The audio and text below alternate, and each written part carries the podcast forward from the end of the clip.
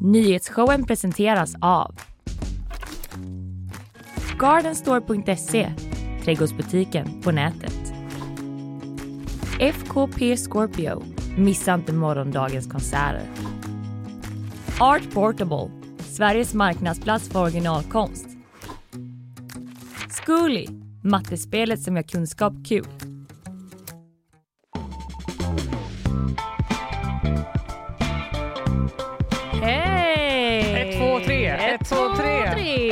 Har oss? ljud och vi har eh, till och med rätt ljud Fanny. God morgon. God morgon. Eh, Det är ju nyhetsshowen live från GP-huset här eh, som vanligt. Det är första tjejtisdagen för säsongen. Mm, vi börjar med lite tekniskt strul. Ja det gjorde vi men som vanligt så kommer vi över det eftersom Ja. vi är så oerhört kompetenta allihopa här Alltså inne. sänder man live, då blir det fel ibland. Ja, exakt. Några minuter eh, fick man på sig att eh, liksom, tänka efter lite extra. Kanske slänga in en kort meditation om man satt och väntade på att vi skulle börja. Vad ska du göra med den här dagen Ja, i ditt liv? Hoppas att ni alla har frågat er det och eh, har ett bra Svar. svar.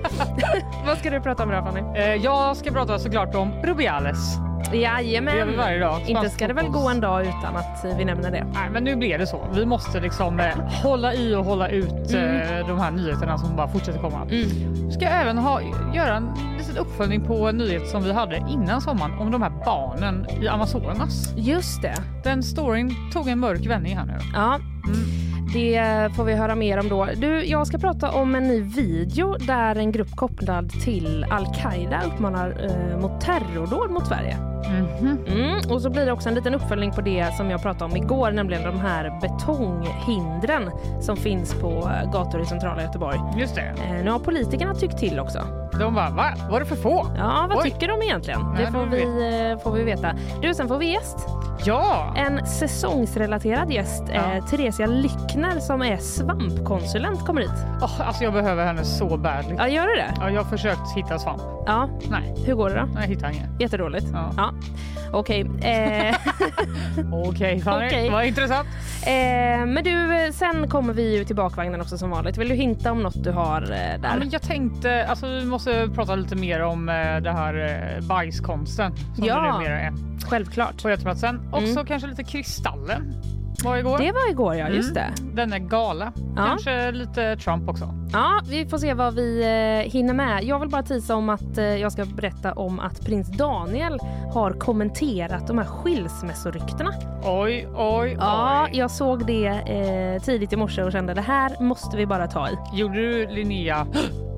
Eh, vet du, jag vet faktiskt inte. Det var ingen som hörde mig då. Så jag vet inte. Ja, vi eh, har eh, som vanligt en god eh, mix av lite grejer att eh, bjuda på. Men du, eh, Fanny, det här är ju din och min liksom, första sån här vanliga sändning efter sommaren. Mm. Hur, liksom, hur mår du? Nej, men jag kände i morse att jag, det var dags Mm. för dig och mig. Ja, Det kände jag när jag vaknade.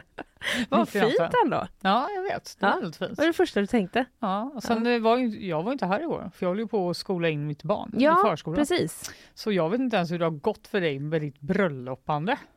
Ja, jo, men det har gått jättebra. Ja. Ja, det var jättehärligt. Igår var jag fortfarande kvar lite på uh, uppspelsnivån. ja. Du var Ehm. alltså toastmaster, det pratade ni ju lite om. Ja, precis. men- Det är inte jag som har gift mig. Ska man, kan man Och du har ju gift dig. Sen Ja, det gick igår. bra. Det gick jättebra. Ja. Nej, men det var, eh, det var toppen. Det var en riktig fest var det. Åh, vad kul. Mm. Nu har jag svängt kraftigt över i att jag ska flytta på lördag. Så nu är det det som är Du har så 100%. mycket i ditt liv. Jag vet. Vem, eh, vems fel är det här? Och eh, vem kan jag skylla på? Återkom.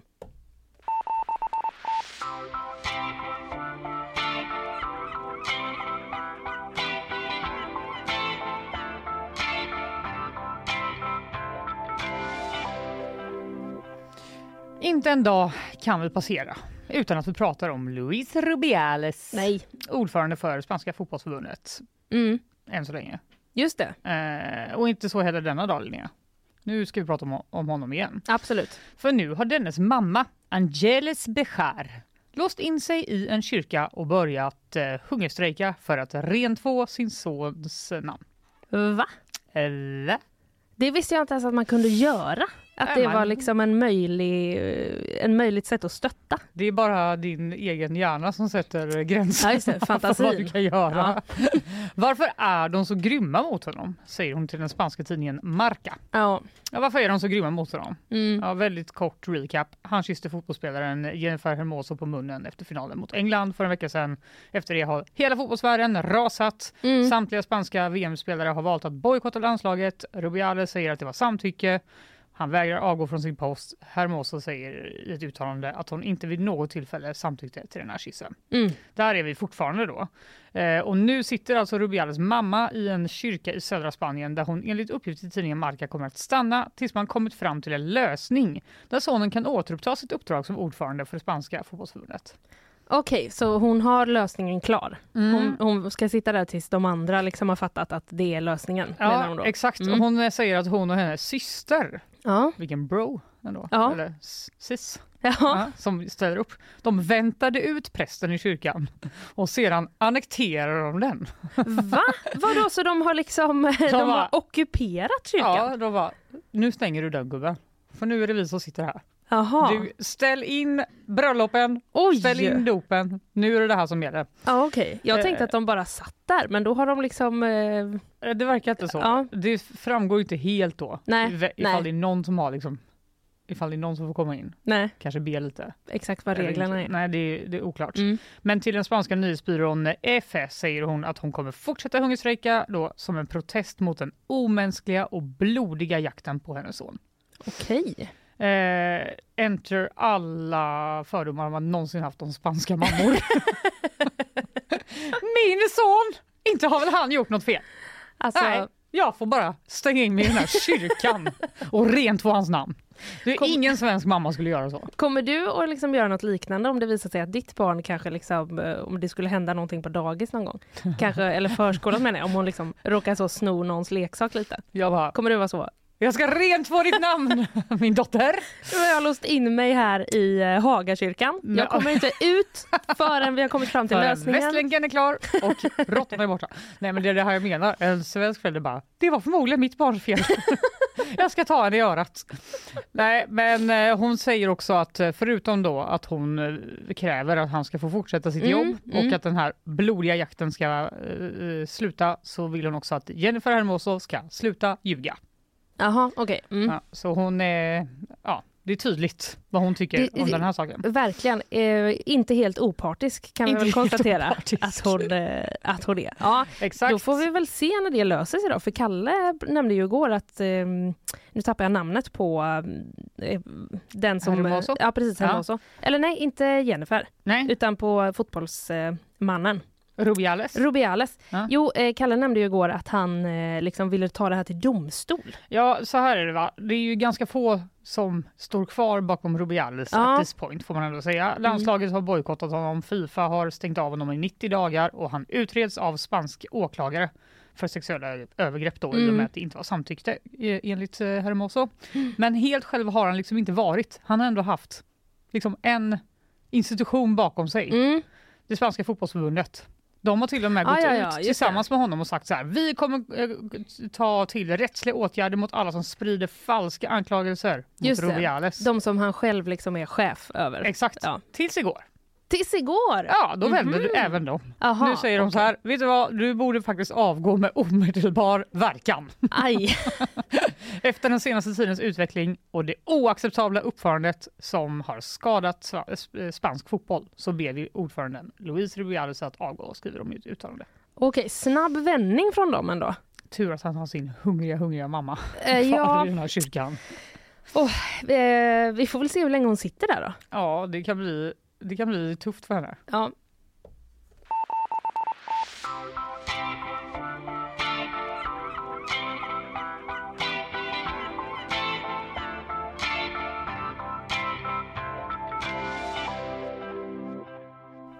Igår Fanny så rapporterade Ekot att en grupp som eh, kopplas till Al-Qaida uppmanar till terrordåd mot Sverige i en Mhm. ny video. Mm. I den här videon så pekas då särskilt koranbrännare och polisen ut som liksom, eh, ja, som de man ska attackera. Jaha. Mm. Eh, och Ekot har varit i kontakt då med analytiker och eh, enligt dem så är då det som framförs i videon, eh, ja det handlar om direkta våldshandlingar Okej. helt enkelt, som man uppmanar till. Ja. Terrorforskaren eh, Magnus Ranstorp, eh, enligt honom så verkar det vara en ny grupp då, den här. Mhm. Och han eh, tycker att man ska ta det här eh, innehållet på allvar. Så här säger han till Ekot. Det väcker oro också eftersom eh, framförallt eh, vissa sektorer, eh, exempelvis som polisen och så vidare, pekas ut. Mm, Ja, att det är lite mer specifikt helt enkelt. Exakt. Än ett hot mot Sverige. ja, precis. Mm.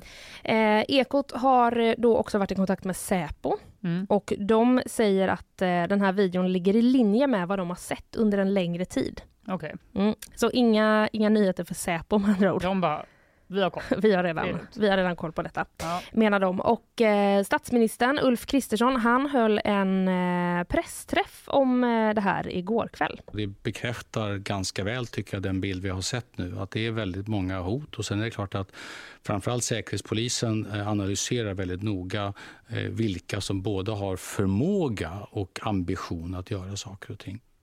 Mm. Han har förtroende för Säpo, hör man. Japp, Mm. det får man säga.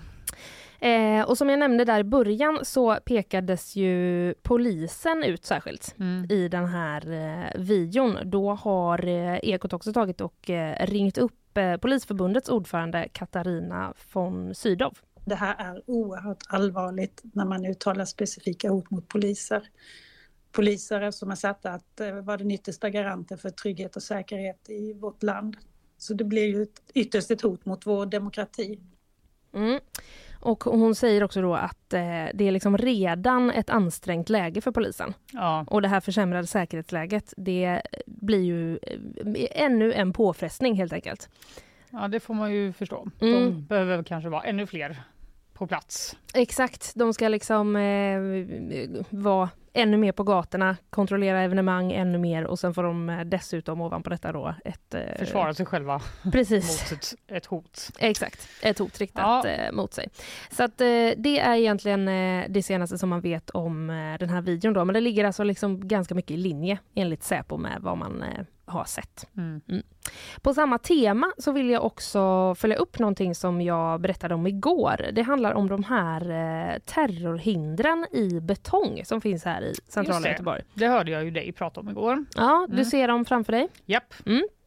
Eh, för de som eh, inte gör det kan vi ju då säga, de, är, de väger fyra ton. Ja. De är liksom två gånger två meter betongklumpar och så har man liksom klätt dem med lite liksom eh, det är ju inte en spalje, men vad, hur ska man kalla det? Det är Ja, liksom lite, det, är lite, t- det är lite typ som att man bara, här kan man sitta ja precis, och ta det lugnt. till en bänk en liten liksom. blomma i mitten kanske? Ja, det kanske det till och med är. det? Eller så står det liksom bredvid.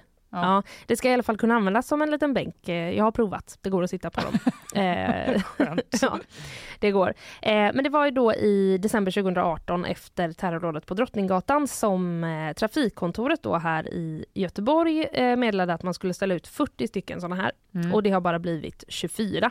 Mm. Eh, och de skulle då ställas på platser som eh, polisen hade pekat ut som riskzoner för fordonsattacker. För det är Just det, det. de är till för, att man liksom inte ska kunna köra med ett fordon. Utan, Nej, det känns ju svårt ja, om det står ett gäng sådana i vägen. precis. Och då ska de liksom också ställas eh, liksom lite i zigzag-mönster så att man liksom måste köra långsamt och svänga. Mm. Eh, så att man eh, tvingas eh, göra det. Men det är alltså bara drygt hälften då av de här 40 eh, som skulle placeras ut som faktiskt står ute. Mm. Och nu har eh, våra kollegor på redaktionen då pratat med eh, politikerna Mm. som jag nämnde i början. Mm. Kommunstyrelsens ordförande Jonas Attenius, eh, socialdemokrat, han säger att eh, beredskapen för terrordåd i Göteborg behöver ses över.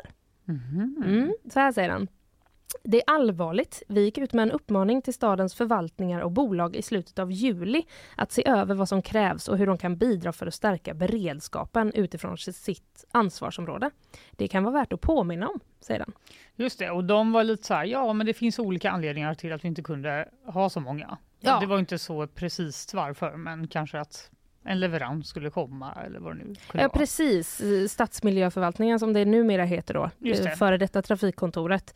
Ehm, precis, det var ju deras eh, svar på varför det inte hade blivit 40 stycken. Ja, det var inte att de bara Ja, vi glömde det. Nej precis. Utan de inte hade att de gjort står en egen förråd. bedömning. Ja, Ja. exakt. Ehm, och också kommunalrådet och eh, moderaten då Axel Josefsson, han tycker eh, att man behöver ta ett eh, omtag i den här frågan om fysiska terrorhinder. Jag tror att man behöver ha en förnyad dialog med polisen och tror att man kommer landa i andra bedömningar än vad man gjorde då. Mhm. Det är en annan tid nu. Politisk enighet. Precis. Politisk enighet i eh, i alla fall denna frågan då mellan Socialdemokraterna och eh, Moderaterna. Så att eh, vi får väl helt enkelt se om det dyker upp eh, ännu fler såna här betongklumpar eh, framöver.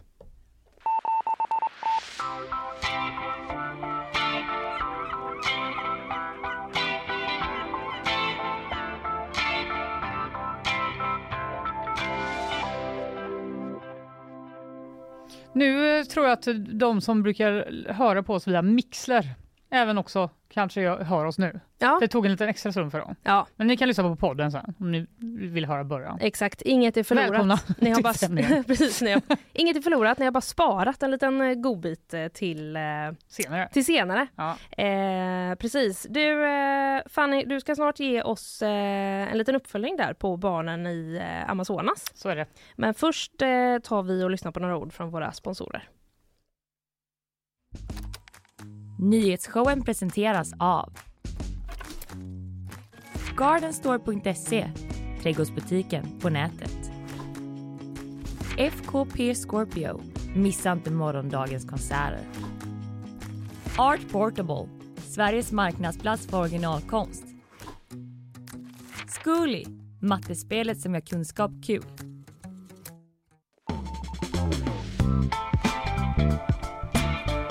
Ja, vi är eh, självklart eh, tillbaka här i studion. Hur skulle det se ut om vi liksom inte, Om vi hade gått om vi inte dök upp igen Ja, efter sponsorerna? Det skulle väl, eh, ja, så kan vi inte ha det. Hallå Sofia, välkommen! Hallå, tackar tackar. Du ska leverera ett litet nyhetssvep till oss. Jajamän, Eh, vi gör så att jag släpper över till dig på en gång. tackar. Polisen utreder en misstänkt skottlossning i Mölndal under natten till tisdagen. Efter att flera rapporterat om ljud av höga smällar vid en parkering in till Waldorpsskolan i Mölndal har polisen nu spärrat av parkeringen. Ingen person ska ha skadats men ett flertal bilar har fått skador i samband med händelsen och polisen har även hittat flera tomhylsor på platsen. Polisen utreder nu grovt vapenbrott och skadegörelse. Ingen misstänkt är gripen. Tre unga flickor i Växjö har förts till sjukhus efter en olycka mellan personbil och en elsparkcykel i någon form av korsning. Två av flickorna är mellan 10 och 15 år medan den tredje ska vara under 10 år gammal. Flickornas skadeläge är ännu oklart. Olyckan eh, utreds som vållande till annans kroppsskada men ingen är i nuläget misstänkt. Tåg i Polen plågas av radiohackare som vid flera tillfällen spelat upp rysk propaganda alternativt stoppat tågtrafiken via ett meddelande om nödstopp. Två män har nu gripits för attackerna men sedan de två männen greps har ytterligare radiosignaler skickats ut till tåg i landet. En av cheferna vid den polska säkerhetstjänsten har kommenterat hackerattacken med citat “Incidenten måste bero på den nuvarande hoten som finns mot den pol- polska staten”. Jaha, hackade tåg i Polen alltså? Ja, och det är Ja. alltså ryska nationalsången och eh, delar av Vladimir Putins tal som har spelats upp vid några av de här nödstoppen. Jaha, och det fortsatte efter att man hade gripit två personer. Ja, Hur stort är det här nätverket undrar man? Ja, precis. Mm. Alltid spännande. Men jag ska också nämna, vi fick in rapport här för inte jättelänge sedan om att en kraftig explosion har inträffat eh, utanför Trollhättan. Eh, och där ska sägas att ingen person har skadats men nationella bombskyddet är på väg dit för att utreda det här. Så förhoppningsvis så vet vi mer lite senare. Okej, Får se ja. num- svep nummer två helt enkelt. Ja, men precis. Vem vet? Mm. toppen. Tack för det eh, Sofia. Vi, eh, du är tillbaka senare. Det stämmer. oss. Tack.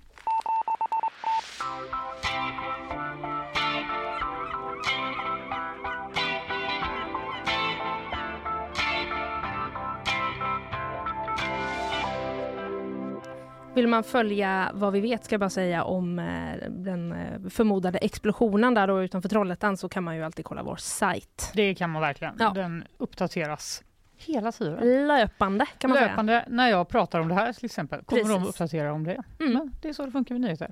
Men nu ska vi åter- återvända till Amazonas. säga. Ja, Du minns ju de fyra barnen som överlevde 40 dagar i djungeln innan de mirakulöst hittades. ja, det här var en sån följetong i våras ja. Det var ju det. Hela Colombia firade detta. Ju. Ja. En, en lycka för hela landet skrev presidenten Gustavo Petro i en tweet när de hade hittats. Men nu har historien tagit en mörk vändning för det visade sig att barnen inte ville bli hittade. Aha, De höll sig undan med flit. okej. Det var ju då två flickor, 13 och 9 år och två pojkar, 4 och 11 år. De var syskon och eh, var från urs- ursprungsfolket Huitoto som eh, då, de var ute på ett flygplan. Det Mm. störtade, det fick problem med motorn. Mm. Rätt ner i djungeln, alla vuxna på planet dog. Det var piloten, en lokal ledare från den här hembyn från, som barnen bodde i och deras mamma. Mm. Eh, och barnen stannade ju då vid sin mammas sida i fyra dagar innan de gav sig av ut i djungeln och det här stora räddningspådraget drog igång.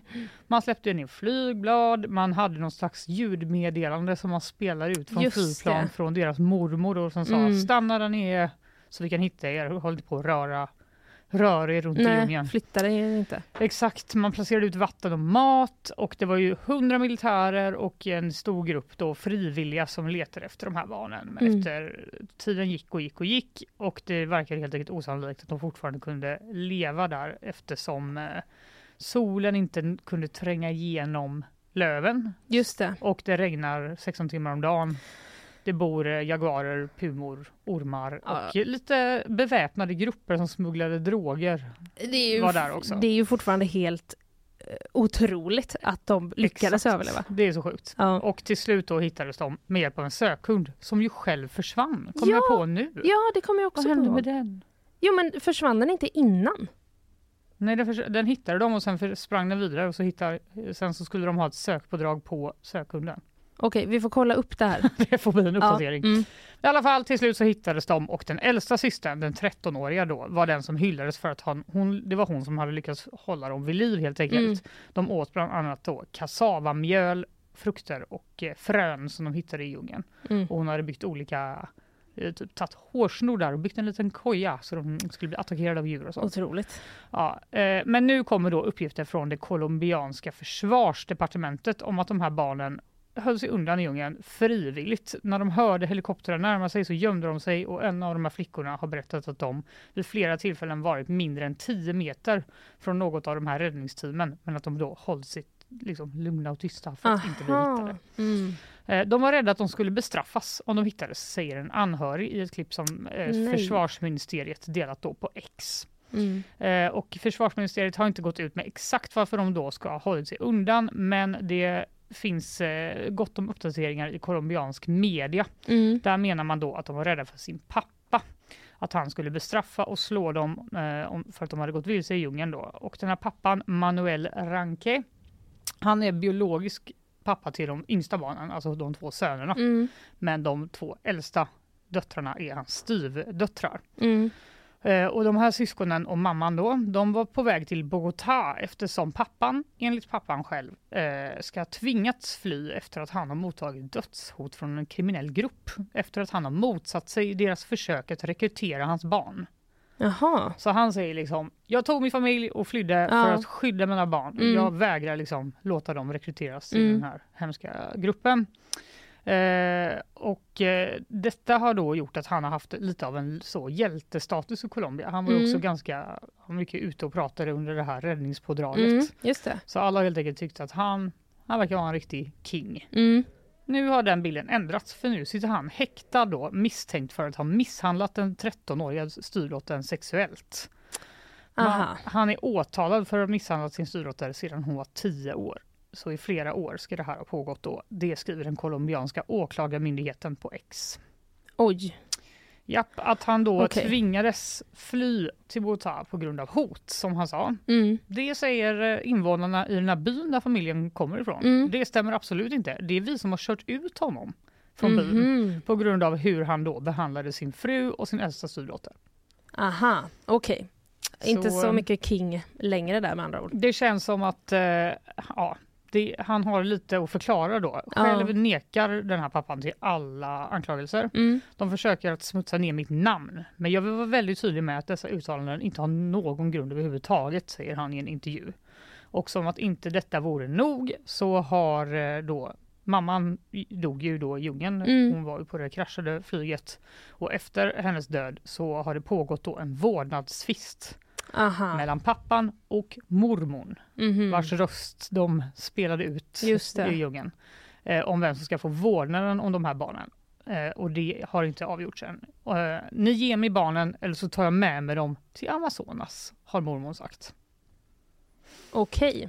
Så eh, ja, tillbaka till djungeln för dem då. De, jag ska säga också att de här syskonen har omhändertagits av sociala myndigheter. Ja, det har Colombia. de blivit så länge då i alla Ja, fall. och de vill inte uttala sig Nej. någonting om detta fallet. Men eh, ja, det var ju verkligen en eh, vändning till det värre. Kan Absolut. säga. Vi kan väl eh, verkligen hoppas att eh, de här barnen snart får, eh, får det lite lugnare Det kan man säga. i sin eh, tillvaro.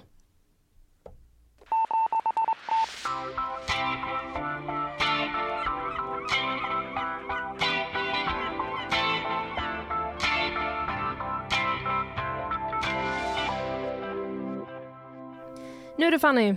Ja. Nu ska du få veta hur du slipper eh, komma hem eh, med tomma fickor och en desperat blick när du har varit ute i svampskogen. Jaha, såg du mig sist? Jag var ute, ute och försökte hitta svampar. Eller? Jag tolkade det på, på vad du sa i början av programmet. Ja. Det kändes som att det var så det brukar vara. Ja. Själv kan jag knappt bära all svamp jag hittar. Ja. Eh, du, vi ska bara öppna dörren och släppa in eh, våran eh, gäst så är vi tillbaka alldeles strax. Nyhetsshowen presenteras av Gardenstore.se, trädgårdsbutiken på nätet. FKP Scorpio, missa inte morgondagens konserter. Art Portable, Sveriges marknadsplats för originalkonst. Zcooly, mattespelet som gör kunskap kul.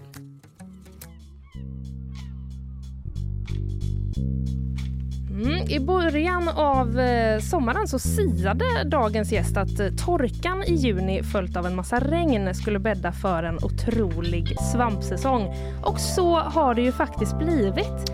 Men specifikt Fanny kanske, hur gör man för att hitta dem? Och vågar man egentligen plocka någonting annat än kantareller om man är nybörjare i skogen? Mm. Med oss för att prata om det här har vi nu svampkonsulenten Theresia Lyckner. Välkommen! Tack så mycket. Du, vad eh, gör man eh, som svampkonsulent egentligen? Ja, det är ett ganska brett yrke kan man säga så sett och det är ju väldigt liten säsong egentligen. Men som svampkonsulent så har jag kurser inom matsvamp och dess förväxlingar och giftsvamp. Eh, jag har även lite föreläsningar och sånt på webben ibland. Och sen så är det också att man jobbar lite gentemot veterinärer när det behövs, till exempel vid förgiftningsfall och så. Men det är inte min starka sida utan jag hjälper veterinärerna men jag har mykologer som hjälper mig. Och sen är det lite blandad kompott. Det är ju mycket radio och sånt här när det är svampsäsong för alla vill ju Mm. veta var växer kantareller. Ja, exakt. Eh, GPS-koordinater tack, eh, Exakt. vill, vi ha, vill vi ha sen. Ja, men kort, lite kort och intensiva perioder då låter det som, Mm, varje år. Ja. Så är det. Och i år började ju säsongen väldigt, väldigt tidigt, vilket man inte Mm. var riktigt eh, inne på. Så att eh, kurserna fick ju starta upp lite snabbare än vad man hade tänkt. Mm. Fick du avbryta semester? Nej, nej. Nej. Jag, jag har svampsemester. Jag går på semester nästa vecka. Då har jag Aha. svampsemester istället. Okej. Gud vad mysigt, svampsemester. Ja. Jag måste också bara säga om någon Ja. hör ett litet ljud så är det för att du har en urgullig hund med dig Ja. som äter ett ben. Tror jag. Ja, en liten valp på fem och en halv månad som fick Ja. hänga med här. Ja, hon är så urgullig. Hon är Otroligt mycket välkommen. Hon får gärna stanna. Absolut, du kan lämna henne kvar här sen. Men visst är det så också att eh, du håller på att lära henne att hitta kantareller? Det stämmer. Hur, eh, ja berätta. Alltså nu är hon ganska liten så Mm. jag har påbörjat lite från början och sen så gick vi en kurs här om helgen. Men det handlar ju om att hon ska kunna hitta alla matsvampar sen. Så att man jobbar med att hon ska lukta på svamparna och så få mycket, mycket godis. Tyvärr är hon lite liten än. Pinnar är roligare än vad svampar är. Ja, just hur gammal är hon? Fem och en halv månad. Ah, Men vad är liksom typiskt för den här rasen om man kallar det? Eller kan jag som har då en rysk vinthund, kan jag lära den att hitta svamp också? Man skulle kunna säga att egentligen vilken hund som helst kan lära sig att hitta svamp. Otroligt. Så att eh, det är bara Wow. att man får jobba med det. ja. Ja. Jag försökte lite kort med eh, mina föräldrars labrador men eh, det var som att hon ville äta den bara istället. Hela Mm. tiden. Är det ett vanligt problem? Det är ett vanligt problem. Och det var det första jag lärde Rosie, att hon inte får äta dem. ja, just det. Men ett litet tips om man har en hund som vill äta, det är att du kan stoppa en kantarell i en liten tesil. För då biter de i den. Och Mm. metallen är inte trevlig, så då lär de sig att de ska inte bita i Aha. svampen. Så det, Smart. Mm. Ja. Okej, men eh, du som eh, är liksom eh, proffs på det här, alltså hur ofta händer det att, att du hittar en svamp som du inte känner igen? Undrar jag. Ganska ofta. Mhm. Mm, faktiskt. Eller känner igen, men som jag inte vet vad det är. Ja. Alltså, vi har ju mellan 3000 och 10 000 svampar i Sverige som vi kan se med blotta ögat. Oj! Och 100 av dem är matsvamp och cirka 100 av dem är giftsvamp. Så att när jag har mina kurser så får deltagarna ofta höra att det där är en liten brun svamp, det tittar vi inte på. Eller det där är en spindling. För de finns, det finns inget intresse för mig att lära mig de svamparna eftersom Mm. det tillhör Ah. inte riktigt mitt arbete. Så Nej, de eh, som, inte, som man inte äter och som man inte dör av, de ska man bara låta vara i Lite så. naturen. Lite så. Ja, men eh, vad är liksom en jätteovanlig svamp att hitta som du skulle bli liksom riktigt, riktigt glad över om du och Rosie sprang på i skogen? Ja, vi kan väl säga så här att nu var inte kanske Rosie med på det, men förra året så hittade vi eh, världens dyraste svamp i Svartedalen utanför Stenungsund. Mm. Det Ah. var Goliatmusseron. Är det den här som japanerna be- Ja. vill betala? Det stämmer. Massa, massa pengar för. Det stämmer. Mm. Eh, och det var faktiskt första fyndet. Det var min sambo som hittade den. Mhm. Så att, eh, nu hade jag med mig en kurs med deltagare ut här i lördags och då hittade vi den igen på samma ställe. Så det är ju väldigt, väldigt kul. Så den återkommer och det är lite svårt att säga varför den har börjat att växa här. Mm. Men antagligen har det med klimatförändringar och så att göra också, för det ändrar sig väldigt, väldigt mycket. Mhm. Mm. Men vad gör man när du hittade den? Vad gjorde du med den då? Åt du upp den eller sålde du den? Nej, jag sålde inte den. Förra året när vi hittade den så smakade vi på den. Jag har smakat på den innan, men det är ingen favoritsvamp för mig. Så nu i lördags när vi hittade den så delade vi upp den bland deltagarna som var med så att de fick med sig en liten bit hem och smaka. Gud vad kul! Men vad smakar den om man liksom jämför? Det kanske är svårt att svara på, men om du jämför med någon mer känd svamp? Champinjon. Kantarell. Alltså enligt mig, tänk nu på att smak är olika från människa till människa, så tycker jag den är lite parfymig, så jag tycker inte att den är speciellt god. Mm. Men vad jag har förstått så japanerna de har ju liksom, alltså de använder den i sin matlagning och använder med soja och så också. Just det. Mm. Så då kan det ju bli något helt annat. Men Mm. eh, ingen favoritsvamp för mig. Men fyndet är jätteroligt. Mm. Så att, eh, att man hittar lite nya svampar. Mm. Mm. Är det lite samma som fågelskådning, att man kan liksom kryssa av då att nu har jag hittat den här? Jajamän. Ja. Mm. Sambon och jag är uppe i de, vad blir det, 76 stycken av de 100 arterna matsvamp har vi plockat hittills. Och då rör vi oss lite runt i Sverige också. Så det är Wow, jättekul. det är ju inte jättemånga kvar. Nej, snyggt. Men om vi går in på liksom själva eh, plockningen då. Fanny nämnde ju att eh, du har haft lite otur. Ja, men jag, jag känner att jag blev lurad av eh, oss i media som är så här, värsta Ah. bästa svampåret. Jag trodde jag bara kunde gå ut i vilken skog som helst och bara skulle se så gula kantareller överallt. Ja, Ja, direkt skulle du se dem. det gjorde jag. Så. Men, eh, men om man vill liksom eh, ge sig ut och plocka, vad, vad skulle du ge för råd till, eh, till Fanny? Om man ska lyckas. Alltså det första rådet, om vi ser här på västkusten, så är det ju oftast den vanliga gula kantarellen som vi plockar. Och den tycker om att växa i granskog tillsammans med björk. Mm. Så där är ju det första, att ska vi hitta en speciell svamp så måste vi ta reda på vilka träd den tycker om att växa med, för att de växer i symbios. Mm. Men mitt bästa tips, det är gamla igenväxta traktorvägar i granskog. Och det brukar jag Mm. tipsa folk om som inte hittar. Och då hittar de nästan alltid. Det var ju väldigt konkret och bra tips. Jättebra Ska man tips. bara hitta dem gamla Ja, men det, spåren. det, men- kommer du, det kommer du lösa. Men är det då, är det samma med liksom, för det känns som att eh, vanliga gula kantareller och trattkantareller, det är väl de vanligaste? Eh, som folk plockar, eller? Jag skulle säga att nu plockar folk mycket mer, även Mhm. soppar, mycket Karl Johan Mm. och sen även våra taggsvampar, blek taggsvamp som också är en väldigt bra nybörjarsvamp. Och är det den vita som har liksom som små hattifnattar på sig nästan? Ja, den har små taggar, små små taggar Ja. under hatten och om du tar med fingret på dem så bryts de då. Då har jag sett den, vill Ja. jag bara säga. Skryt. eh, Men du plockade den inte? nej, nej, men jag vågar inte det. Jag, klar, jag klarar att se kantarell och, eh, och trattkantarell, men, du- men du tycker att det, man kanske ska våga plocka den då? Ja, alltså om vi säger som Karl Johan till exempel och blek taggsvamp så Mm. är de väldigt bra nybörjarsvampar som inte går att förväxla med något giftigt. Mm. Mm. Du kan förväxla till exempel blek taggsvamp med korktaggsvamp men det är som att tugga på en, champ, vad säger man, en champagnekork. Vilket Mhm. gör att du lär inte äta den i vilket fall. Nej. Nej, nej. Spotta ut den om du råkar tillaga den. Exakt. Och Karl Johan kan du förväxla med en oätlig som är gallsopp. Men det enda som är då det är att det kommer smaka riktigt, riktigt illa.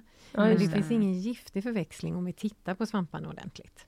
Okej, ja men skönt. Bra. eh, Det är mer att du kan att förstöra din risotto då. Det kan Om du har råkat kasta i den med Ja. dina goda svampar. Ja. Ja, precis.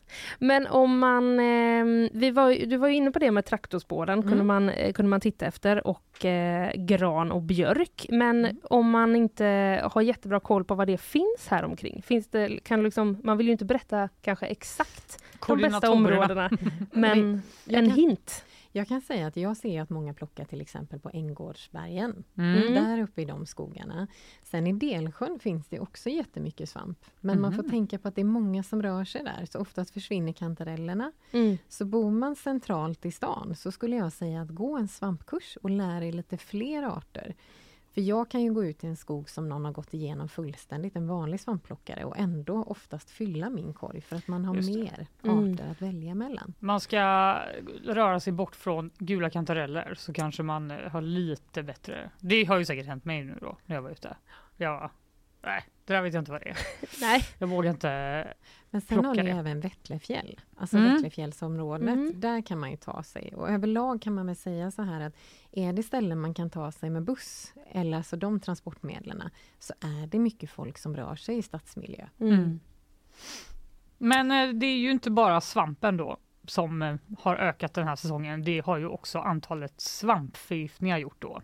Eh, häromveckan så rapporterades det till exempel om sex personer i Stockholm som har fått föras till sjukhus efter att de förmodligen hade förväxlat en stolt fjällskivling med panterflugsvamp.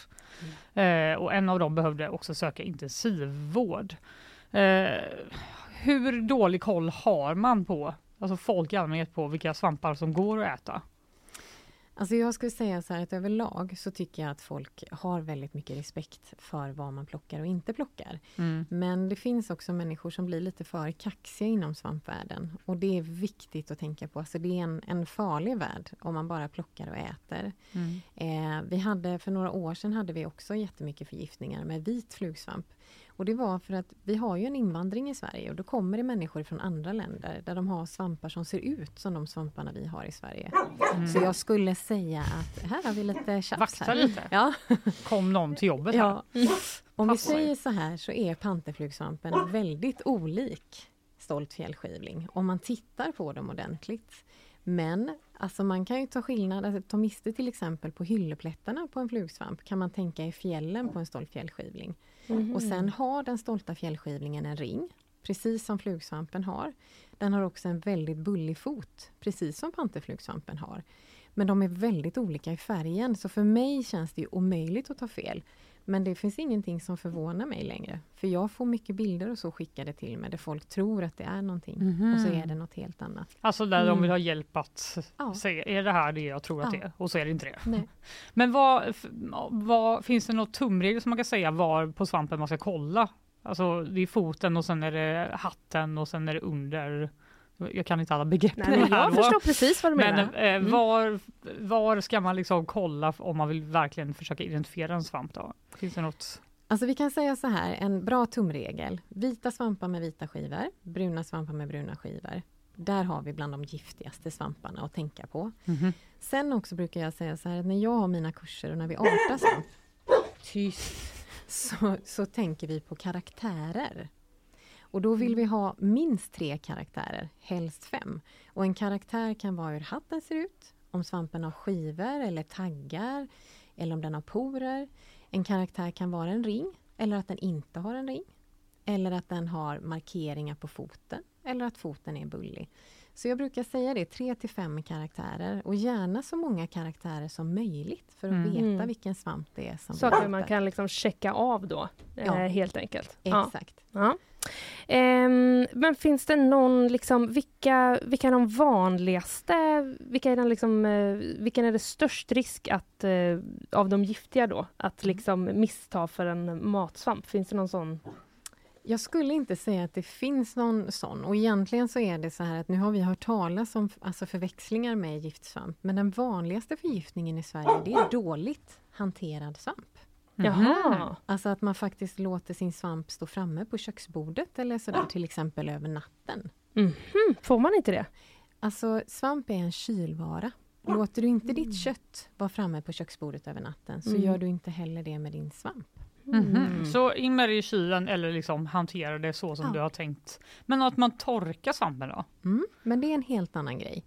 Det, då behöver det ju ske ganska fort. Jag till exempel har ju svamptorkar och då är min svamp torr på ja, men 12 till 24 timmar. Mm. Mhm. Torkar man i eh, alltså vanlig rumsmiljö, då får man vara lite försiktig. Trattkantareller kan funka, men soppar till exempel funkar dåligt Mm. att torka i vanlig rumstemperatur faktiskt. De lite mindre eh, kropparna så att Ja. säga går att torka s- snabbare. Absolut.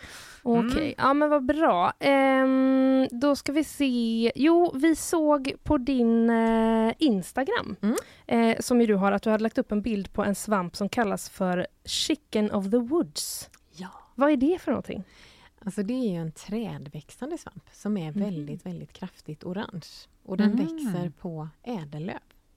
Så man kan hitta den på ek och massa utav de olika ädellöven. Finns i Slottsskogen till exempel. Mhm. Eh, I Slottsskogen skulle jag inte plocka den för jag tror att den är på lämpligt hundkissavstånd. Och det är också sånt som man ska tänka på när man plockar svamp. Ja, Just det. det kan man kanske göra. Känns ju fräscht. Jag tänker det faktiskt. Eh, men alltså det är svavelticka, heter svampen. Mhm. Och det man ska tänka på med svaveltickan det är att den är en ganska stark svamp för många. Till exempel jag kan inte äta den även om den är avkokad. Jag får lätt ont i magen utav den. Mm. Medan min sambo älskar den och kan äta mycket utav den utan problem. Eh, men det är en, en lätt svamp, den är svår att förväxla med någonting annat på grund utav att den är en ticka som växer på träd och har den kraftiga färgen som den har också då. Är det därför Okej. den heter Chicken of the Woods? Nej, alltså Chicken of the Woods har man nog döpt den till på grund utav att den konsistensen som tillagad blir lite som kyckling. Mhm.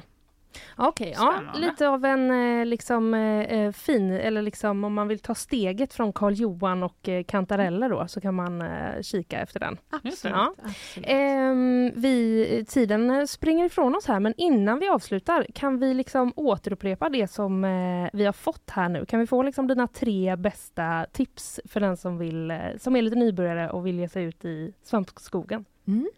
Jag skulle säga att det första är när man ger sig ut i svampskogen så ska man tänka på att man har ordentliga kängor, och ordentliga kläder på sig. Vi plockar svamp i en korg. Och det är just för att då är den luftig och håller sig så bra som möjligt. Sen är den andra grejen att vi stoppar ingenting i stekpannan som vi inte vet till 100% vad det är för någonting. Det är jätte, jätteviktigt. Och den tredje saken som jag tycker är väldigt viktig, det är att vi själva ska vara 100% säkra på vad det är vi stoppar i stekpannan. För att säga att en svampkonsulent eller en expert sa att det här kan jag äta, det hjälper ju inte dig om du blir förgiftad. Nej, det är sant. Och ska vi ta en sak till så säger Mm. jag, är man osäker på svamp, gå en kurs. Gör det, lär er svampen. För ni får mycket möjligheter när man går en kurs. Bra Fanny, skrev du ner det där? Japp, jag gjorde en mental lista. Jag känner mig Jättebra. taggad. Jag Ja. kommer ge mig ut igen och Jättebra. kanske lära min hund att hjälpa till. Ja men det Det tycker lät jag. jätteskönt. Hon har ju jättelång nos så hon borde ju vara proffs på det där. Hon har lite dåligt tålamod bara. Ja. Mm, absolut. Men det fixar du med ditt tålamod. Mm. Du kompenserar för det. Mm. Eh, Theresia, tusen tack eh, för att du och eh, Rosie kom hit och Tack så eh, mycket. hjälpte oss. Tack Eh, så mycket för att vi fick komma hit. Nyhetsshowen presenteras av Gardenstore.se, trädgårdsbutiken på nätet. FKP Scorpio. Missa inte morgondagens konserter. Art Portable. Sveriges marknadsplats för originalkonst. Zcooly. Mattespelet som gör kunskap kul.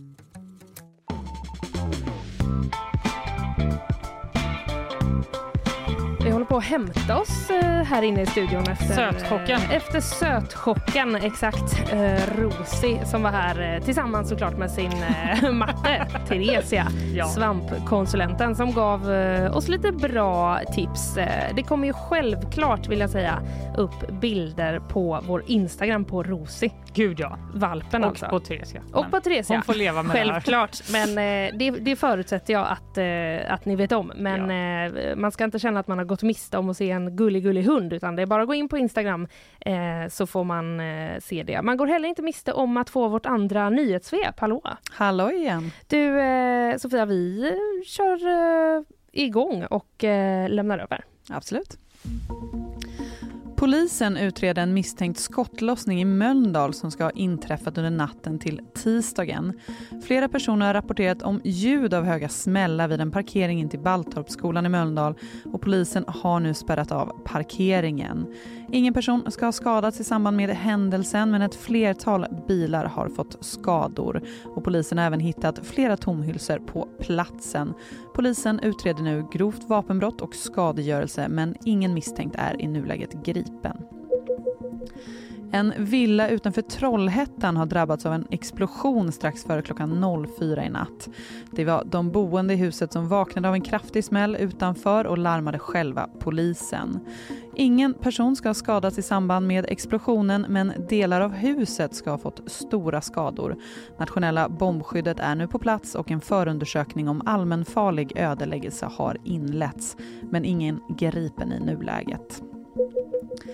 Eminem kräver musikstopp från den republikanske presidentkandidaten Vivek Ramaswamy. Detta efter att en video på Ramaswamy sjung, eh, sjunger Eminems låt Lose yourself fått spridning i sociala medier tidigare i augusti. Nu har rapstjärnan lämnat in en formell, eh, ett formellt brev om att hans låt inte ska spelas under kampanjen. Men tidigare har även den tidigare presidenten Donald Trump kritiserats kraftigt av andra världsartister, däribland Rihanna och Rolling Stones för att ha spelat deras musik under sin valkampanj. Känns lite där med musik. Mm, det är Mm. svårt bara att få någon att eh, sluta, sluta spela den. Det går ju liksom inte att förbjuda. Det går Nej. väl bara att be Ja, det är väl så va? bara knän. Det tror jag inte han gör i och för sig. Ja, nej, vi är konstnärer, musikartister, underbara, kanske lite speciella ibland. Men det är bra med integritet, jag diggar det. Mer sånt i världen. Verkligen. Tusen eh, tack för det Sofia och tack för idag. Tack så mycket.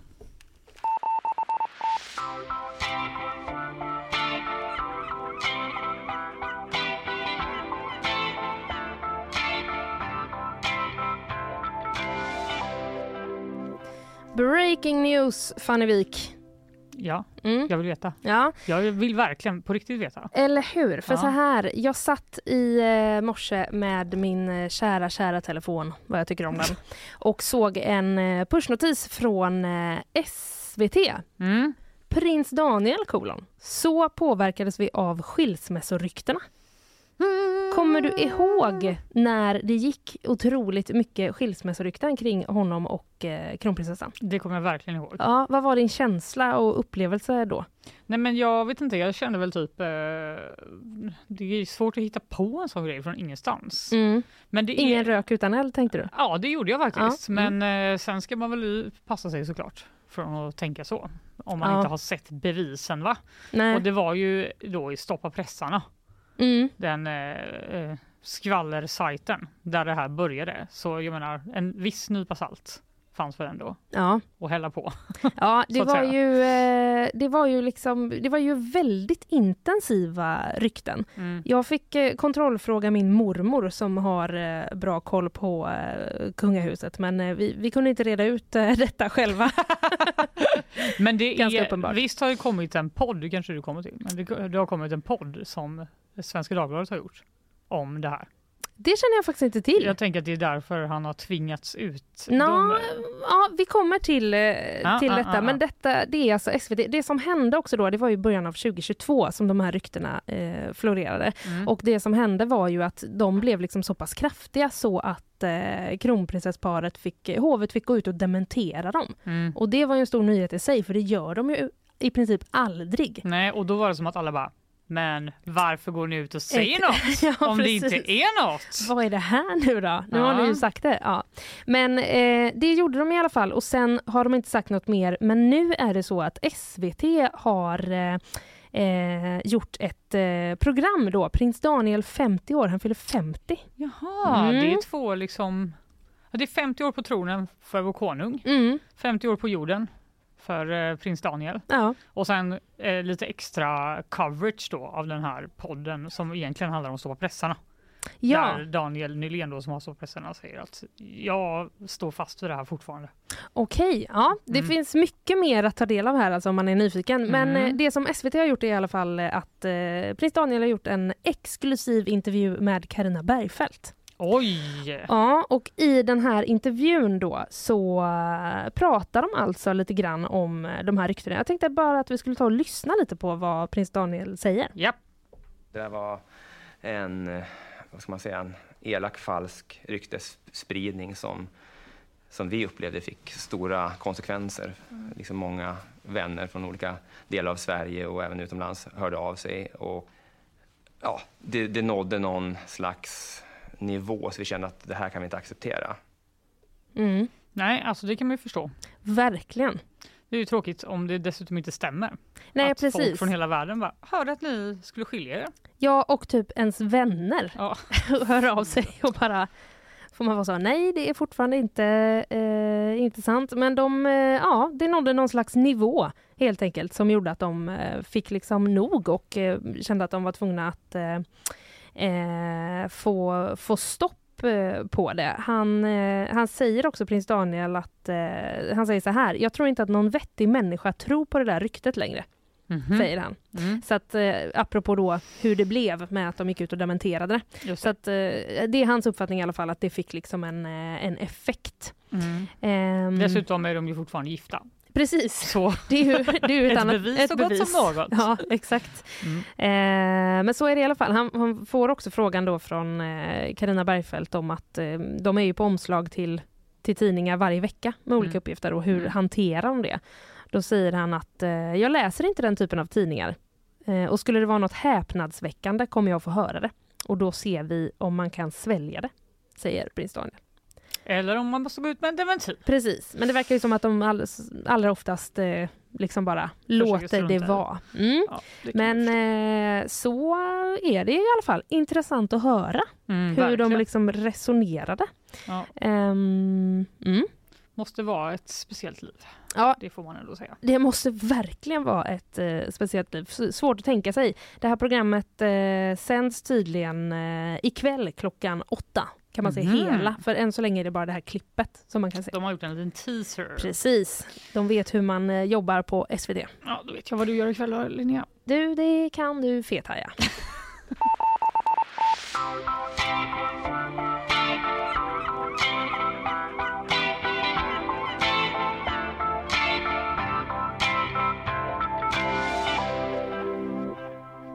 Men ska vi köra vidare lite i tv-spåret här kanske? Det För gör vi. det var ju faktiskt Kristallen igår. Ja, det var det. Lite oklart, Kalle var lite så här, vem, är det någon som brydde sig om det? Mm. Eh, vet inte riktigt. Men det, jag kan säga att det är väldigt många priser som delas ut. Hur Och, många priser eh, är det egentligen? Alltså jag, ork, jag började räkna men jag orkar liksom vad, inte räkna. vad kom du till då? Eh, Är det 30 typ? Alltså typ, Oj! minst. Jag kan bara visa dig en Oj! snabb överblick. här. Ja, det, jag tror att det är 30 typ. Ja, det är nog säkert Mm. 30 typ. Eh, men eh, vinnaren, kungen i eh, tv-familjen Wahlgren, visade sig vara Benjamin Ingrosso. Mhm. Eh, det var nämligen så att Benjamin och Bianca då, de hade tre respektive två nomineringar till eh, Kristallen var Oj, och Benjamin fick då två priser. Eh, Bianca och fick... hon fick ett. Hon fick ett? Ja, okej. Ja. Mm, vad skönt. Eh, det fanns aldrig någon kamp, säger Bianca. Nej. Vi är bara jätteglada för varandras skull.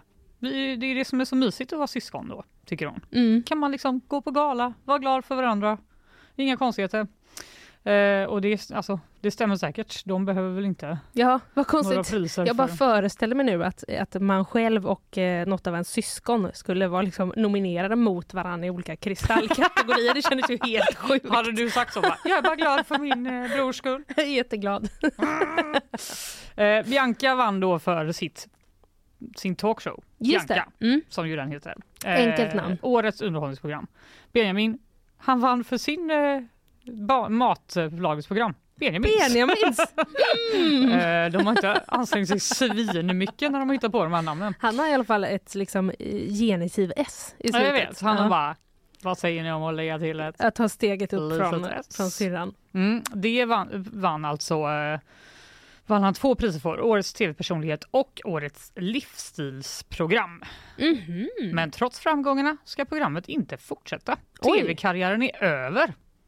Nä. Varför det? Jo, han säger att det har tagit så mycket tid från hans eh, musik. Mhm. Att eh, ja, det kommer vara en minne för livet men nu ska jag liksom göra en ny skiva istället och sätta mig i studion och skriva. Och, eh, jag, så jag kommer äta i studion och jag kommer göra Benjamins fast utan kameror. Jag antar att de var i hans studio. Jag har, jag har aldrig sett det här programmet ska jag ärligt säga. Nej, jag har inte heller sett Men jag faktiskt. tror att det var poängen, att det var olika artister som kom och så lagade mat. Ja men, de det ja men precis, det känns som man har sett eh, klipp ifrån. 23 skriver Isabella att det är antal Ja, pris. Bra. Mm. Bra. Jag orkar inte räkna till 23. ja, en, två, tre. Nej, nej, jag orkar inte. Det ser ut att vara jättemånga. Eh, några andra som fick pris var Marco och Irma.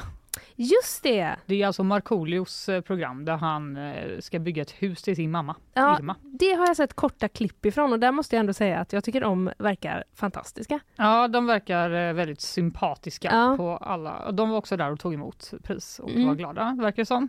Sen var det lite, vi ska ju uppenbarligen inte gå igenom alla 23, så Nej. stäng inte av. Nej. Men eh, något annat som stack ut var då att SVTs Händelser vid vatten, Just det. eh, det blev årets tv-drama. Och Snabba Cash eh, fick eh, flest priser som dramaserie. Det var båda Evin Ahmad och en till skådespelare som jag inte har namnet på här nu, som också spelar en biroll i Snabba Cash Mm. som fick priser där.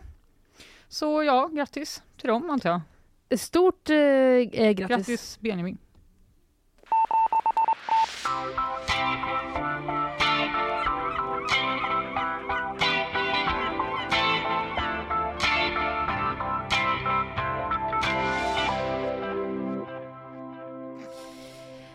Åh, jag älskar när det kommer klara besked från eh, producenten. Kattunge skrek hon. Kattunge! Blir det Kattunge skrek hon. kattunge! Lägg ut! Så jag lägger genast ut, nu blir det kattunge. Du känner ju kanske till Fanny att jag är väldigt svag för djurnyheter i bakvagnen. Japp, jag vill verkligen att du ska ha den här jingeln som Kalle gjorde. Just det!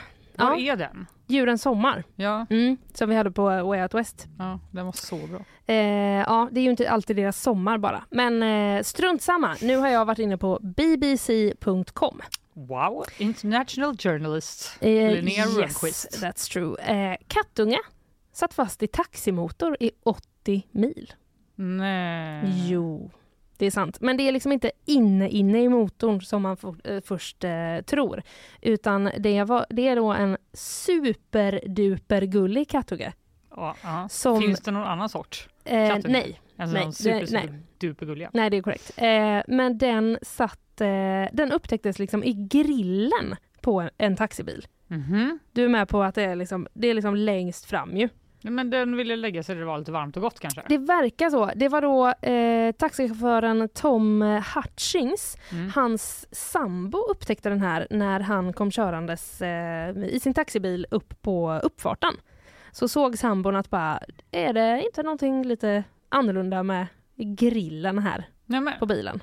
Någonting konstigt. Mm. Vad är grill? Jo men det är liksom eh, Grill, bil. längst fram på bilen där, eh, där liksom registreringsskylten sitter så ser det ut som ett galler liksom lite grann. Men var den innanför det då? Innanför det.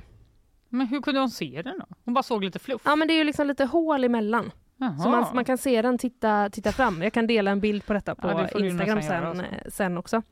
Eh, men eh, då tittade han efter helt enkelt när han då blev eh, uppmärksam på att det var något konstigt. Eh, och eh, så säger han I definitely didn't expect to see this little pink nose and a pair of green eyes suddenly appear just centimeters away from my face. Mm. Nej, det är otroligt gulligt. Sen, sen fick han då plocka fram sin verktygslåda Mhm. och eh, skruva, skruva isär bilen lite grann för att få ut Gud, kattungen. nu ser jag den är jättesöt. Den är jätte, jättesöt. Han Ja. fick i alla fall ut den och eh, tog den direkt till en eh, veterinär. Och då berättar han också att eh, hon måste ha varit eh, helt utmattad från resan för att hon somnade eh, direkt på passagerarsätet bredvid mig. Ja men tänk att sitta där och bara Det är ju helt otroligt. Och så är du på motorvägen i liksom 100 kilometer i timmen. typ det värsta jag hade kunnat tänka mig. Usch, det måste ju... Men att den, Och han bara, var det något? Men också att den börjar jama och sen går det inte att stänga för att det bara blåser så mycket från vinden. Så det bara ett sånt En fluga. och så kan han liksom inte ens hosta. Det här lät mer som en gubbkatt. Men, nej men det behöver man väl om det, är liksom, om det blåser jättemycket luft in i ens mun så kanske man blir lite hostig. Och så är det bara så. Jag tänker att den svalde en fluga och att den inte kunde hosta upp. Den måste ha fått jättemmånga flugor Men rätt i kisset. facet. Men också att någon har kört den från där den bor jättelångt därifrån. Ja. Men vet du vad, det var inte så himla långt ifrån. Nej okej.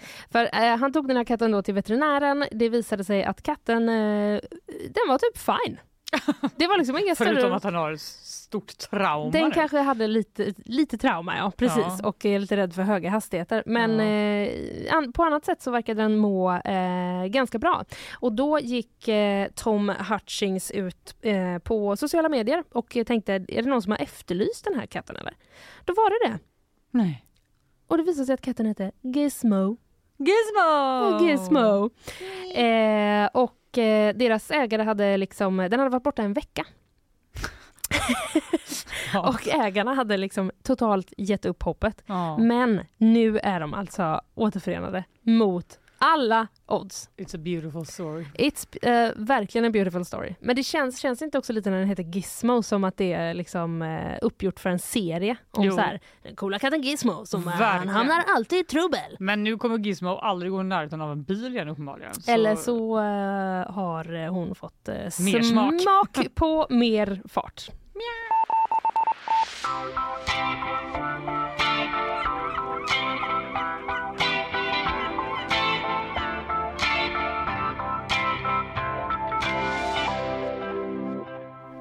Måste vi inte eh, prata lite mer om Drömmarnas monument? Jo, Också en självklart. följetong i det här programmet, Det, ja, får man ändå säga. Det det. Men eh, det är inte så konstigt. Det bara nej, pågår det, ju precis, det sker ju saker. extremt mycket grejer hela tiden. Och eh, det sista vi pratade om var ju att eh, eh, verket skulle köpas. Konstmuseet skulle betala 60 000 kronor för att få ha det i sina samlingar. Men, eh, och det tyckte en av projektets eh, projektledare var toppen, Stefan Mm. Karlsson. En skön bekräftelse på att det inte är någon sophög, sa han Mm. till oss på GP. Men eh, medskaparen Sebastian Rudolf Jensen, han höll inte med. Han målade över skylten Drömmarnas monument med färg som blandats ut med avföring. Eh, som kom från eh, ett utedass som stod där inne. Exakt. Eh, då sa konstmuseet nej tack. det här verket har ändrat karaktär och vi vill inte längre köpa det. Och ett bråk då bröt ut mellan de här två projektledaren och den andra konstnären. Mm. Men nu har skylten ändå fått ett nytt hem. En privatperson som bor intill konsthallen har köpt den här skylten för 2000 spänn. Aha, okej. Då kommer den ändå stå nära också. Ja, jag vet. Och först började jag tänka så här, vem bor ens nära konsthallen? Eller, det tänkte jag också. Någon jätterik uppe där i de stora, stora s- husen. Någon jätterik eller någon som eh, inte har ett En hem. hemlös. Ja, precis. Någon, någon av extremerna känns det som att det är. Ja, Det. men det står så här. Han, det är en han då, Mm. eh, har besökt oss mycket i sommar och ville redan innan ha just den här skylten. Mm. Och när försäljningen till konstmuseet inte blev av så passade han på att köpa den. Han är inte rädd för lite avföring. Hans, han, nej, Nej. han såg en möjlighet Ja. och han tog den. Eh, och just nu så monteras ju det här monumentet eh, ner. Det var ju en Mm. tillfällig utställning så Mm. det håller vi på. Augusti ut tror jag den skulle stå.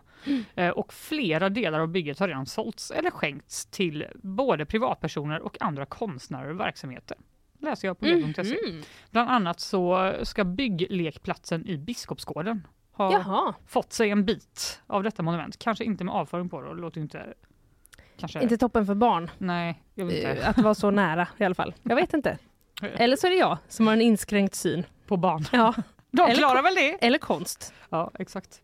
Eh, Men det finns en liten bild här på g.se, vi kan lägga upp den sen på Instagram, där man ser eh, det här biten som har köptes för 2000 Ah, kronor. just det. Ja, men det är lite eh, flera skyltar Ja. ihopsatta kan man säga. Man kan ju inte längre läsa dem då eftersom det är avföringsfärg i vägen. Nej. Men man får använda sin fantasi. Precis, känna efter vad som eh, står där. Vi Mm. kan ju nämna också att eh, en av konstnärerna bakom det här verket faktiskt kommer hit till oss eh, och gästar oss på torsdag. Ja, jag tror det var till och med han som målade över Precis, så har jag också fattat det. Det skylten. är... eh, Sebastian Rudolf Jensen. Precis, han kommer hit. Han är varmt då, välkommen. då ska vi liksom eh, prata, fråga allt vi vill eh, fråga om eh, Drömmarnas eh, monument. Ja, det ploppar redan upp frågor i huvudet på mig.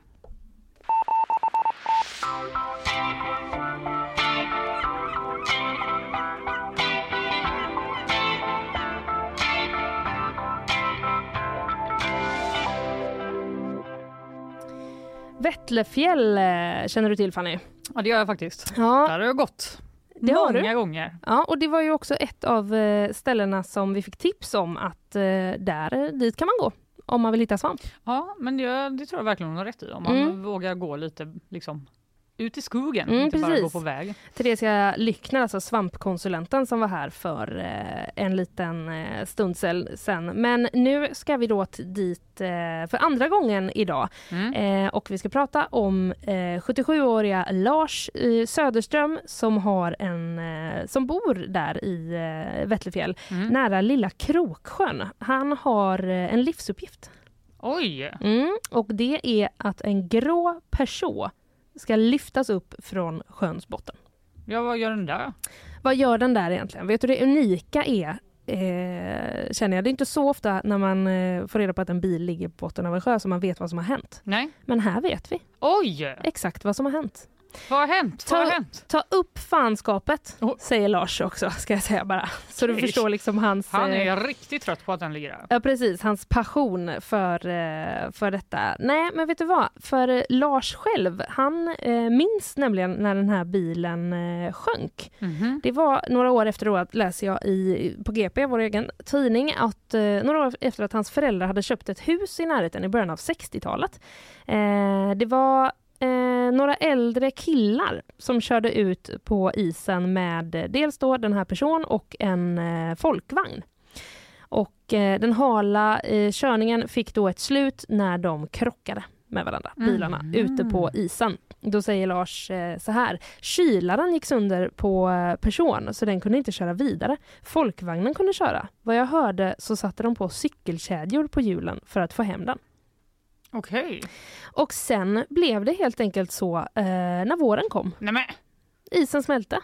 då kunde vi bara puttat på den lite. Blub, blub, blub, blub, blub, blub. Va? Ja, Det var det slappaste. Visst- bara, visst vi lämnar det- den här, undrar vad som kan hända. eller hur? Man tänker att det kanske hade kunnat gå att dra av den på något sätt. ja, Men, det eh, gör man väl om den stannar någon annanstans. Ja, mycket var ju annat då. Man kanske inte tänkte lika mycket på miljö som Nej. eh, många gör idag. Men jag tänker att man kanske vill bry sig om sin bil.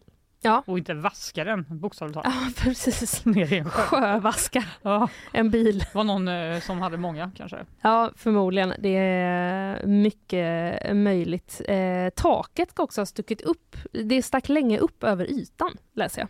Men eh, nu har den, eh, nu har den eh, alltså sjunkit eh, ner. Och Lars, han är då kritisk mot att eh, den här bilen har fått ligga kvar. Mm. Eh, som jag förstår det så han har liksom gjort vissa försök att ehm, få av sig, eller få av sig, att eh, få upp den här bilen. Mhm. Han har då, eh, Lars har då kämpat för att det ska hända då. Han har hört av sig till Göteborgs stads miljö och klimatnämnd, Mm.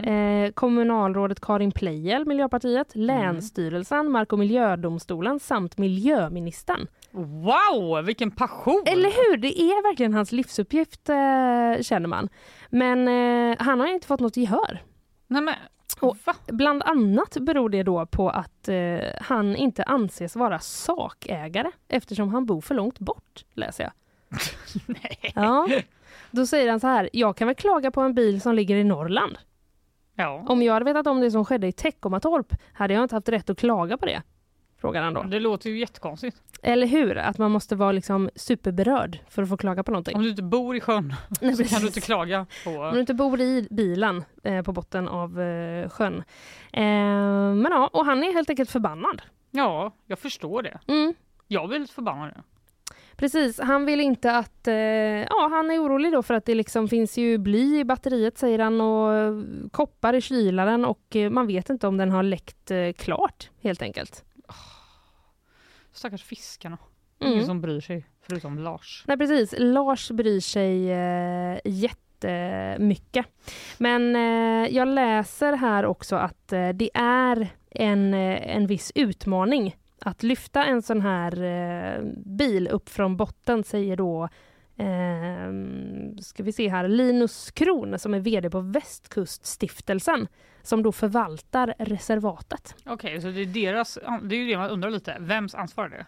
Ja, det verkar som att Göteborgs stad tog kontakt med de här Västkuststiftelsen och de har gjort bedömningen då att låta bilen stå kvar. Jaha. Och då säger Linus Kron så här, alla åtgärder som krävs för att försöka ta upp bilen är ett större ingrepp än att låta den ligga kvar och rosta sönder, sakta men säkert. Är det sant? Men då får ju tyvärr Lars eh, lyssna på eh, Linus här. Ja, För han ser ju inte bilen längre så det är bara själva vetskapen om att den är där som gör att han blir helt galen då. Att han går runt och bara... Ah! Han helt, kan inte gå förbi den helt galen och helt galen, men han är ju upprörd. Ja, Han oroar sig för miljön. Jag kallar honom inte galen, Nej. jag kallar honom bara extremt investerad i den här frågan. Ja, jo men det är han absolut. Men eh, tydligen så verkar det som att det hade varit en annan sak om ett fordon hade hamnat i sjön nyligen. Då hade de tagit upp den. Men liksom att den redan har legat alltså länge, att det bidrar till att man inte eh, plockar upp den eh, nu. Men Linus Kron säger också att eh, om den medför någon slags fara, om det finns den sortens indikationer nu, då kanske vi måste ompröva beslutet. Mhm. Mm. Ja, okej. Du kanske undrar vad Lars eh, tänker om det här? Ja, det gör jag. Han tänker inte ge upp. Han väntar fortfarande på svar från miljö och klimatminister Romina Pourmokhtari eh, och säger så här. Bilen ska upp. Ja. Jag hoppas jag överlever det. Jag ska sätta mig på berget här om helikoptern kommer. Jag håller tummarna varje dag. men, men Lars, jag håller också tummarna för dig. Lars, en engagerad eh, 77-åring. Mm.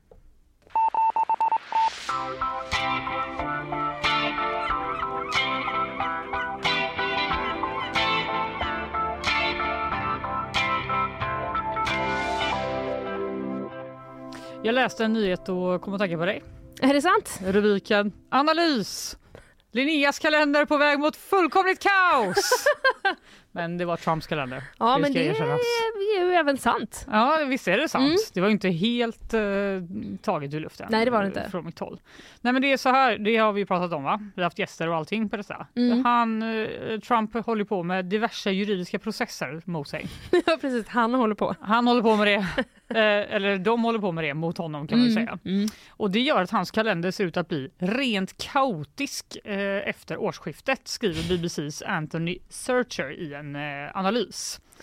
Eh, redan i januari så börjar rättegångar trängas med viktiga programpunkter på den republikanska valagendan. Mm. Det är ju det va? Att han ska försöka bli president samtidigt som han ska gå igenom alla de här fyra eh, rättegångarna då. Det är ju en utmaning för vilken kalender som helst. Det är ju det. Mm. Eh, och ett förtalsmål då mot Trump som är kopplat till den här författaren E. Jean Carroll. Det ska tas upp samma dag som Iowas republikaner ska välja eh, vilken kandidat de ska ha Mm. för president. Den 4 mars ska rättegången som handlar om den här påstådda försöken att omkullkasta valresultatet inledas. Mm. Och det är dagen före den så kallade supertisdagen. Dåligt det låter Just på det. Ja, det är det barnprogram. Supertisdagen. Ja. Ja, eh, när en Men- stor del av USA då väljer kandidat inför valet. ja. Den är jätteviktig helt enkelt. Så får man liksom ett free pass eh, om man går till liksom, eh, motsvarande tingsrätten och säger jag kan inte den här dagen? Tror du att eh, Trump har gjort det? Eh, nej. Det har han verkligen gjort. Han det? vill Ja. överklaga beslutet om eh, då, den här federala rättegången Mm. som är just den 4 mars. Mm. Jag tänker överklaga! skriver han med versaler på eh, Truth Social. Truth Eh, social, just det. Mm. Ja, han säger så här, det, kom, det där är inte okej. Det är bara det att rättsexperter då, eh, enligt Reuters, säger att det är inte det är inte möjligt att överklaga en domstols schemaläggning av en rättegång. Nej. Bara för att du har något annat för dig. Nej. Eh, den ska hållas då i Washington DC. Eh, så han får, kommer nog behöva vara där helt enkelt. Jaha, okej. Ja, för det enda som man kan tänka sig skulle kunna vara liksom en rimlig ursäkt är väl typ om man är sjuk. Att inte Ja, komma det. på en rättegång. Men då är, blir Då det kan ju han ju svårt. inte komma på Super Tuesday Nej, heller. exakt. För där lär ju folk se honom. Det är ju det som är hela Mm. poängen va? Det kanske... Eh, Så det går ju inte kan att göra en sån smygsjukanmälan. Nej, det blir svårt. Eh, Det blir väldigt svårt om du ska kandidera till president. Han bara... och sen bara Super Tuesday! Nej. alltså, så här, jag är för sjuk för att vara på rättegång men jag klarar av det här. Liksom. Precis. Ja, det kräver exakt. inte lika mycket. Det verkar ju dock som att allt det här bara har varit jättebra för Trump. Du pratade ju om det här mugshotet Ja, igår exakt. som han hade tjänat eh, Väldigt mycket pengar. miljarder, nej men miljoner dollars Mm, på eh, i kampanj hittills. mm. Så ja, det, vi får väl se. Han verkar inte kunna ta sig ur det, men det kanske blir något bra för honom ändå på något sjukt sätt. Det skulle kunna bli det faktiskt. Vi får väl hålla koll och se om han lyckas med, eh, med sin, sitt överklagande av det icke överklagningsbara Mm. eh, Är det schemaläggningen. någon så är det väl han. Är det någon så är det väl han. Eh, Fanny, vad har du pratat om idag? Eh, ja, gud, vad har jag ens pratat om idag? Jag skojar. Eh, Jag pratade ju om eh, eh, Rubiales i början av precis, eh, ännu en liten uppföljning hade vi. Ja, nu har han, hans mamma sitter i en kyrka och hungerstrejkar och Mm. han, eh, nu har även eh, fotbollsförbundet som han är chef för sagt att nu är det dags för dig att kasta in handduken. Nu är det dags att sluta. Omgående! Och sen var Jajamän. vi i Amazonas och pratade om att den nyheten om barnen som gick i djungeln har fått en liten eh, mörk vändning i och med att deras pappa nu är gripen för sexuella övergrepp mot ett av de här barnen. Ja, ja men precis. Eh, Jag pratade om eh, uppgifterna som kom igår om en ny video där en grupp kopplad till Al-Qaida uppmanar till terrordåd mot Sverige. Mm. Och en liten uppföljning på igår om de här betonghindren som då ska stoppa fordonsattacker. Politikerna sa det här kanske vi måste titta på. Måste kanske göra en ny bedömning här. Mm, det är ett annat läge nu, Mm, tyckte de. precis. Sen hade vi eh, Theresia Lycknar här, svampkonsulent. Ja, Och inte att förglömma den oerhört charmiga hunden, fem månader gamla Rosie. som vaktar lite här. Precis. Vaktade oss i studion. Ja, det gjorde hon. Och eh, som också håller på att lära sig lukta efter kantareller och andra svampar. Och inte äta dem. Nej, precis. Inte äta dem. Nej. Mm. Eh, och sen är vi framme där vi är nu. Ja! Va, vilken härlig eh, inledande tjejtisdag för säsongen. Ja, det var det verkligen. Ja, vi är tillbaka nästa vecka du och jag. Ja, det är vi. Det är vi. Hej då! Hej, hej!